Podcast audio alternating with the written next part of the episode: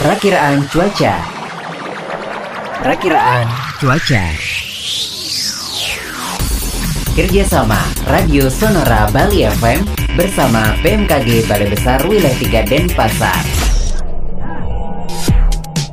Sahabat Sonora, sekarang kita sudah tersambung bersama Bapak Wayan Wirata dari BMKG Balai Besar Wilayah 3 Denpasar yang akan menyampaikan cuaca untuk hari ini. Pak Wayan, silakan.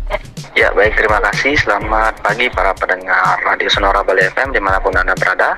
Berikut akan disampaikan perakiraan cuaca untuk wilayah Bali dan sekitarnya yang berlaku hari ini tanggal 24 Februari 2022. Di mana untuk cuaca masih berpotensi hujan dengan intensitas ringan hingga sedang yang terjadi di hampir sebagian besar wilayah Bali.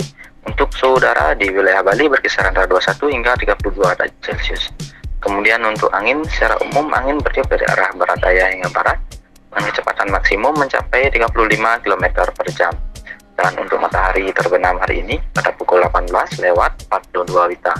Kemudian untuk ketinggian lembang laut di perairan utara Bali kisaran 0,5 hingga 1 meter dan di perairan selatan Bali kisaran 0,5 hingga 1,5 meter. Untuk peringatan dini, waspadai potensi hujan yang dapat disertai petir atau kilat dan angin kencang berasi singkat terjadi di sebagian besar wilayah Bali serta potensi tinggi gelombang laut yang dapat mencapai 2 meter atau lebih terutama di Samudra Hindia Selatan Bali.